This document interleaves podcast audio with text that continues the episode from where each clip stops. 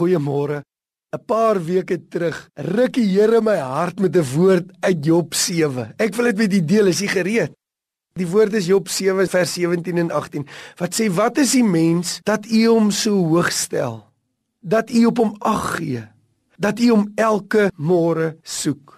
Job vra 'n vraag. Hy sê, "Hoe kan dit wees dat die Here my hoog ag? Dat die Here op my 'n hoë prys stel? Hy gee ag op my. Ek wat net 'n mens is." Dis geweldig. Weet jy wat doen dit aan 'n mens se siele wêreld wanneer jy besef die Here ag jou hoog? Jy is nie net 'n nommer nie, jy is nie net een van 6 of 7 miljard mense wat die Here nie vir hom gee nie. Die Here ag jou hoog. Hy ken jou by die naam.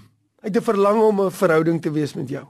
Die volgende vers het my so gevat as hy sê dat hy jou elke môre kom soek oor die bewustheid van dat die Here elke môre kom soek en wil tyd ook met my spandeer is vir my as Tersius te groot om te weet.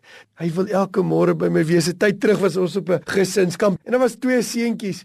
Hulle was 5 jaar en 6 jaar onderskeidelik. Hulle het vreeslik lekker gespeel oor die naweek, maar die een seentjie moes almekaar gaan slaap het in die môre en dan het die ander een daar verbygekom en dan vra hy almekaar, "Is daar al iemand wakker?"